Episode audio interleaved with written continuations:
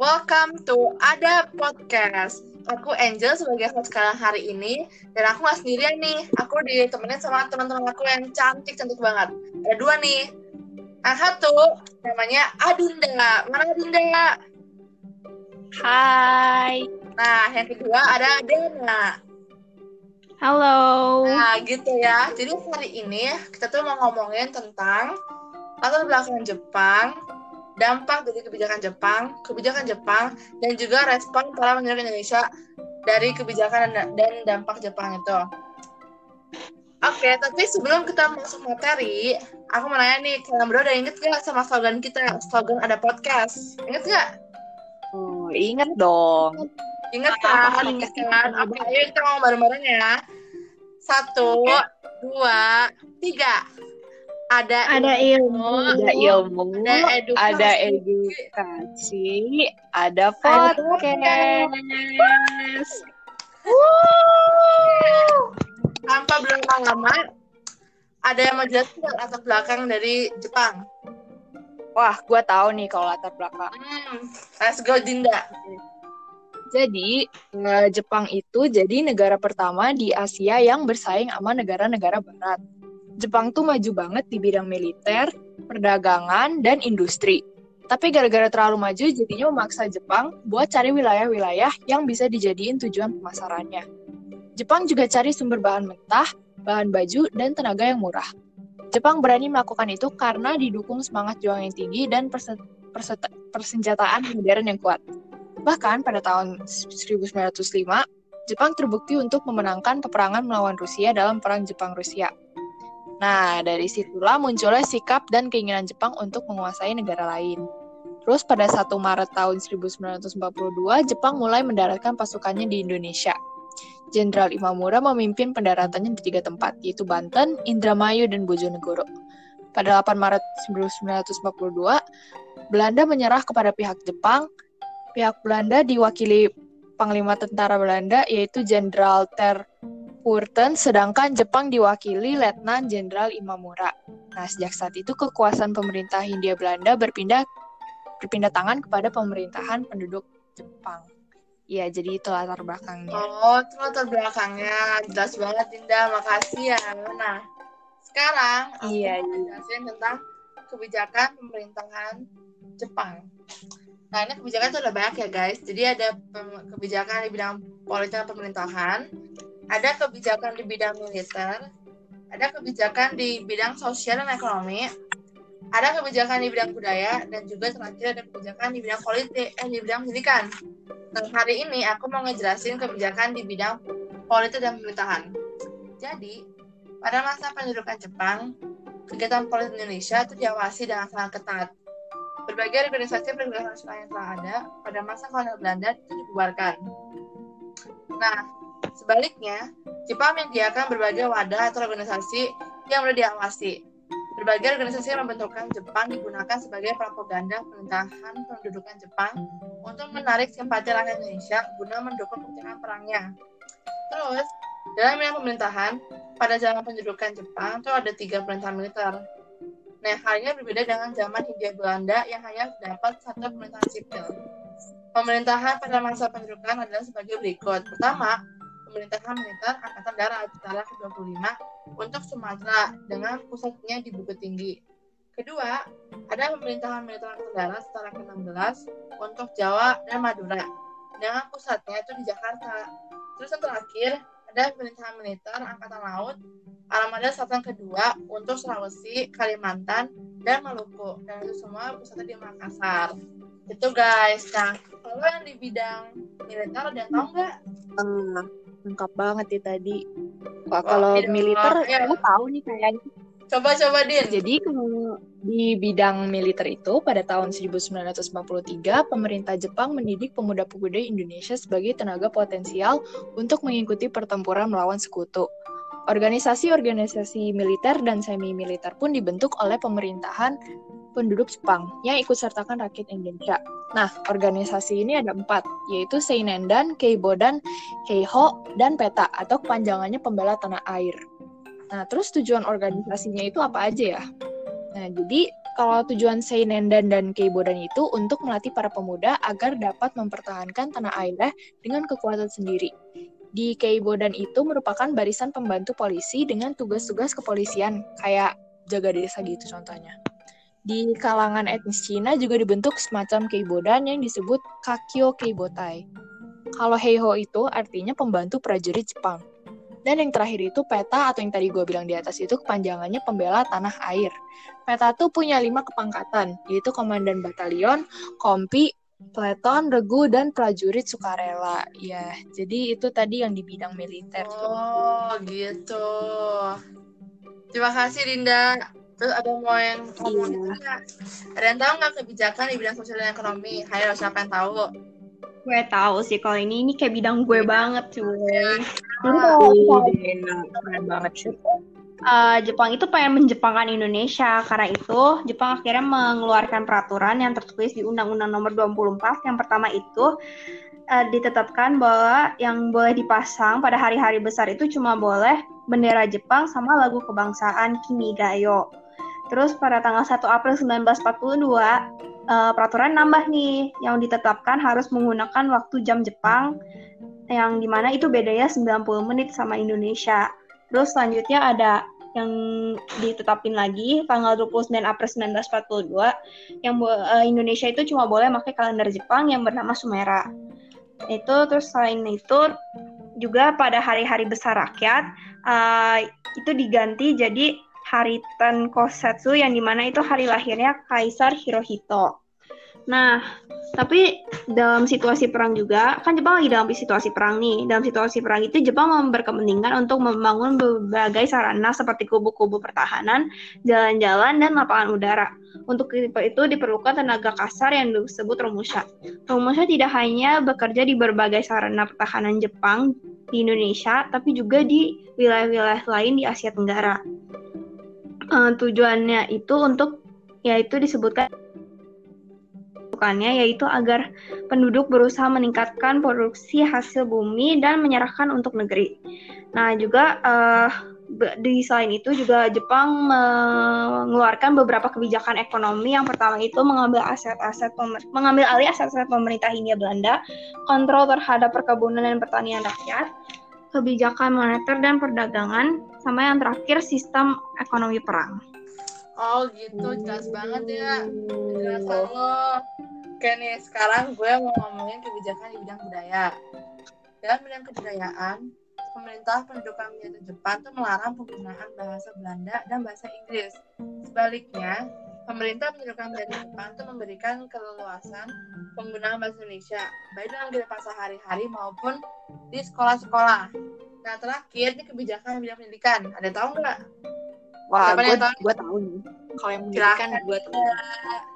Jadi eh, berbeda dengan pemerintahan Hindia Belanda, eh, pendidikan bagi kaum kaum pribumi, pribumi dan non pribumi itu disamakan. Tujuannya untuk memudahkan pengawasan terhadap isi dan proses belajar mengajar di sekolah. Beberapa peraturan yang terbit dengan bidang pendidikan ini, yang pertama itu penggunaan bahasa Melayu sebagai bahasa pengantar di sekolah. Yang kedua itu kayak yang tadi Poppy sebutin di bidang budaya, pelarangan penggunaan bahasa Belanda dan bahasa Inggris. Yang ketiga itu bahasa Jepang wajib dipelajari. Dan yang keempat pada tahun 1943 menutup beberapa perguruan tinggi. Oh gitu, Din. Ya, makasih loh, Din. Nah, sekarang kita mau ngomongin dampak dari kebijakan kebijakan Jepang. Siapa nih yang mau mulai nih? Siapa yang mau mulai? Ayo? Agak deh, gue mau jelasin bidang politik sama dampak di bidang sosial. Let's go. Jadi kalau dampak di bidang politik ini, eh, pergerakan organisasi pergerakan nasional di Indonesia itu dibubarin. Nah, karena itu juga akhirnya Jepang pun mengadakan pengawasan yang sangat ketat terhadap kegiatan politik di Indonesia. Nah, karena itu juga pemerintah Jepang membentuk organisasi yang mudah diawasi seperti Putra dan Jawa Hokokai. Namun sebagai tokoh perjuang perjuangan menggunakan wadah bentuk Jepang ini untuk tetap mengeluarkan semangat nasional nasionalisme seperti I.R. Soekarno, Drs. Muhammad Hatta, Ki Hajar Dewantara, dan K.H. Mansur melalui Putra. Sementara tokoh-tokoh lainnya seperti Sunan Syahrir Sukarni dan Amir Syarifuddin terus melakukan pergerakan nasional dengan melakukan pergerakan di bawah tanah. Nah itu kalau bidang politik, kalau di bidang sosial itu, jadi pas itu kondisi sosial masyarakat itu sangat memprihatinkan. Pergerakan tenaga kerja paksa atau rombongan bukan memberikan uh, para Romusha diperlakukan sangat buruk, mulai dari pagi buta hingga uh, mereka bekerja mulai dari pagi buta hingga petang. Mereka dipaksa melakukan pekerjaan kasar tanpa makanan dan perawatan. Oleh karena itu, kondisi fisik menjadi sangat lemah sehingga banyak yang menderita berbagai jenis penyakit, bahkan meninggal dunia di tempat kerjanya. Uh, pergerakan tenaga tersebut mengakibatkan perubahan pada struktur sosial di Indonesia. Banyak pemuda-pemuda yang meninggalkan desa ke kota karena khawatir diambil sebagai romusha. Oleh karena itu, pemerintah pendudukan Jepang bertindak lebih jauh lagi. Akhirnya hampir semua laki-laki yang tidak cacat diambil sebagai romusha. Sehingga yang tinggal hanyalah kaum wanita, anak-anak, dan laki-laki kurang sehat. Para tentara Jepang juga melecehkan kaum wanita. Tentara Jepang banyak mengambil paksa wanita-wanita untuk jadikan pekerja seks paksa yang disebut juga Juguan Ianfu. Mereka tidak hanya dibawa di berbagai pertempuran dan pangkalan militer di Indonesia, tetapi juga ke luar negeri. Kesehatan para wanita itu kurang diperhatikan sehingga banyak yang meninggal. Oh, jadi itu bidang sosial. Tega banget gak sih? Banget gak sih? Iya, ya, wow. Untung banget itu akhirnya di 2004 ya udah gak ada gituan. Iya, udah merdeka ya, kita. Ya. Hmm, bersyukur. Oke. Okay. Sekarang siapa yang berhasil di bidang ekonomi dan bidang militer? Gue tahu nih kalau ekonomi sama militer. Let's go. Ya, jadi kalau di ekonomi itu sistem ekonomi autarki yang diterapkan Jepang di Indonesia menyebabkan kehidupan masyarakat Indonesia semakin sulit, kelaparan, kekurangan gizi, dan penyakit timbul di banyak tempat. Jadi itu yang ekonomi. Kalau yang militer itu, pendidikan militer yang diberikan oleh pemerintah pendudukan Jepang sangat berguna pada masa revolusi kemerdekaan. Tokoh-tokoh pentingnya itu ada Gatot Mangkuprojo, Otto Iskandar Dinata, Kasman Singo dan Sudirman. Ya, jadi itu yang di bidang Oh. Nah, sekarang aku ya, aku mau ngejelasin di bidang budaya dan bidang pendidikan. Di bidang budaya, pada sekolah-sekolah ditanamkan dan diajarkan berbagai budaya Jepang, termasuk bahasa Jepang. Jepang menghilangkan berbagai pendidikan yang berbau barat dan penggunaan bahasa Indonesia sebagai bahasa utama bersama dengan bahasa Jepang. Hal ini itu dilakukan untuk menarik simpati masyarakat Indonesia. Nah, kalau bidang pendidikan, sekolah-sekolah dan perguruan tinggi dijadikan sebagai tempat indoktrinasi Jepang. Sekolah dijadikan tempat untuk mencetak kader-kader untuk melaksanakan konsepsi kemakmuran bersama Asia Timur Raya. Dan semuanya itu ditujukan untuk mendukung Jepang dalam memenangkan perangnya. Nah, oke, okay. terakhir kita mau ngomongin tentang respon respon Indonesia terhadap kebijakan-kebijakan Jepang. Siapa yang mau mulai? Hmm? Siapa oh, nih? Gue tahu nih. Silakan Jadi, Linda. respon ini awalnya diawali oleh perlawanan dengan cara atau strategi yang kooperatif. Jadi yang gue bakal omong ini tentang Putra. Uh, jadi pada tanggal 1 Maret tahun 1942, Soekarno mengumumkan dibentuknya gerakan baru bernama Pusat Tenaga Rakyat yang disingkat Putra. Uh, tujuan gerakan ini untuk membangun dan menghidupkan segala sesuatu yang telah dirobohkan oleh imperial, imperialisme Belanda. Uh, tidak hanya Soekarno, ia juga dibantu oleh Mohatta, Ki Dewantara, dan KH Mas Mansur. Uh, mereka itu kemudian dikenal dengan empat serangkai. Putra ini berhasil dalam ikut mempersiapkan rakyat secara mental bagi keperluan kemerdekaan. Ya, jadi itu yang tentang Putra ya. Oh, kalau yang Jawa Hokokai, ada yang tahu? Oh, gue tahu. Kalau di Jawa Hokokai itu pihak okay. Jepang akhirnya menyadari bahwa Putra lebih bermanfaat bagi pihak Indonesia daripada bagi Jepang sendiri uh, karena Bu Putra ini lebih mengarahkan rakyat kepada usaha kemerdekaan Indonesia daripada usaha perang Jepang. Oleh karena itu, Jepang merancang pembentukan organisasi baru yang mencakup semua golongan masyarakat termasuk golongan Cina, Arab, dan sebagainya. Pada tahun 1944, Panglima Tentara ke-16 Jenderal Kumakichi Harada menyatakan berdiri organisasi Jawa Hokai atau Himpunan Kebaktian Jawa. Beberapa putra dengan Putra Jawa Hokokai dengan tegas menyatakan sebagai organisasi resmi pemerintah. Jika dalam Putra Pucuk pimpinannya diserahkan pada golongan nasionalis Indonesia, Jawa Hokokai uh, pada tingkat pusat dipegang langsung oleh Gun Seikan oleh Gunseikan. Adapun di daerah-daerah dipegang oleh pemimpin daerah mulai dari Shukokan sampai Kucho. Oh gitu. Nah kalau yang ini terakhir gue tahu nih Majelis Islam ala Indonesia atau MIRI. Gue jelasin ya. Jadi golongan nasionalis Islam juga mendapatkan kelonggaran pada masa pendudukan Jepang karena dinilai memiliki sikap paling anti bangsa Barat. Makanya, pemerintah pemerintah Jepang masih mengizinkan berdirinya satu organisasi Islam, yaitu Majelis Islam ALR Indonesia atau MIRI, yang telah berdiri di Surabaya sejak tahun 1937 oleh KH Mas Mansur dan kawan-kawan. Nah, terus kedua ada perlawanan bersenjata. Siapa yang ngomong nih perlawanan cok pilen di Aceh? Dan tahu nggak? Wah, gue gue tahu nih kalau yang perlawanan Aceh ini. Let's go Dinda. Ya. Jadi perlawanan Cokpilen di Aceh itu dilatar belakangi oleh tindakan tentara Jepang yang semena-mena dan memaksakan kehendaknya terhadap rakyat. Uh, perlawanan ini dipimpin oleh Tengku Abdul Jalil. Setelah tentara Jepang melakukan tiga kali serangan, perlawanan ini berakhir dengan dihentikan. Ya, jadi itu yang tentang Dincok hmm. ya. Nah, kalau gue, gue tahu yang perlawanan rakyat Singapura di Jawa Barat. Jadi, gue jelasin ya. Perlawanan rakyat Singapura dipimpin oleh KH Zainal Mustafa, seorang pemimpin pesantren di Sukamana, Tasikmalaya, Jawa Barat. Perlawanan ini sudah terbelakangi oleh tindakan Jepang yang memaksa rakyat melakukan Seikeirai, gitu guys. Nah, ada yang tahu nggak tentang perlawanan Teko Hamid di Aceh? Gue gue tahu, gue tahu, gue tahu. Perlawanan Teko Hamid itu pasti obviously dipimpin sama Teko Hamid. Dia itu seorang pewira Gyudun atau dia itu juga tentara sukarela. Ia bersama dua peleton pasukannya melarikan diri ke gunung dan mengadakan perlawanan. Namun karena keluarganya diancam dibunuh, ia terpaksa kembali. Hmm, gitu. Oh. Nah, oh, sekarang ada ya perlawanan tentara peta di Blitar ya, yang terakhir ya. Ya, itu gue tahu sih. Jadi, kalau perlawanan ini dilatar belakangi karena tentara peta tidak tahan melihat penderitaan rakyat yang banyak dipekerjakan sebagai romusha. Perlawanan ini dipimpin oleh Supriyadi. Uh, terus pada akhirnya tentara Jepang berhasil mematahkan perlawanan dan berhasil menangkap prajurit-prajurit peta. Ya, jadi itu yang tentang di peta di. Hmm. Ya, langsung aja ya yang terakhir yaitu perlawanan gerakan di bawah tanah atau ilegal. Ini gue yang mulai ya. Jadi kelompok Sultan Syahrir.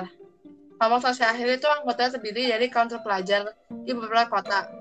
Mereka mengadakan kontak dengan sejumlah tokoh nasionalis dan pemuda Kegiatan kelompoknya itu antara lain mendengarkan radio dan secara diam-diam menyebarkan informasi yang didapat. Nah, kalau kelompok Kaigo ada yang tahu nggak? Oh, gua tahu, gua tahu tahu. Kalau kayak kelompok Kaigo itu dipimpin sama Ahmad Subarjo. Anggota antara lain adalah Mr. AA, Maramis, terus ada Sudiro dan Wikana. Mereka merupakan para pemuda yang punya hubungan dekat dengan Kepala Perwakilan Angkatan Laut Laksamana Maeda. Ahmad Subarjo dan kelompoknya berhasil mendorong Angkatan Laut untuk mendirikan asrama pemuda yang bernama Asrama Indonesia Merdeka. Di tempat inilah para pemimpin Indonesia seperti Soekarno, Muhammad Hatta, dan Sultan Syahrir menanamkan semangat nasionalisme. Hmm, kalau ngomong Soekarno Oke, ini gue juga tahu nih. Jadi kelompok Soekarno itu terdiri dari para pemuda anti Jepang yang tinggal di asrama Menteng 31 Jakarta. Anggotanya itu ada Cairul Saleh, ada Malik, dan Pandu Kartawiguna. Uh, aktivitas mereka lakukan itu menyebarluaskan cita-cita kemerdekaan, menghimpun orang-orang yang berjiwa revolusioner, serta mengungkapkan kebohongan-kebohongan Jepang. Oh gitu. Sekarang gue jelasin kelompok satuan mahasiswa ya. Kelompok satu mahasiswa yang terdiri atas dari mahasiswa kedokteran yang bermarkas di Jalan Perapatan Nomor 10 Jakarta. Tokoh-tokohnya itu antara lain ada Yusuf Kunto dan Syarif Tayyip. Nah, terakhir kelompok Amir Syarifuddin. Siapa yang tahu nih? Gua, gua. Kelompok Amir Syarifuddin merupakan pemuda sosialis yang selalu menentang kebijakan pemerintahan Jepang. Terus yang obviously tokoh utamanya Amir Syarifuddin lah ya. Iya, Wah, jadi itu tadi semua udah ya. Udah ya semua sih. ya. Terima oh, kasih untuk keren juga ya.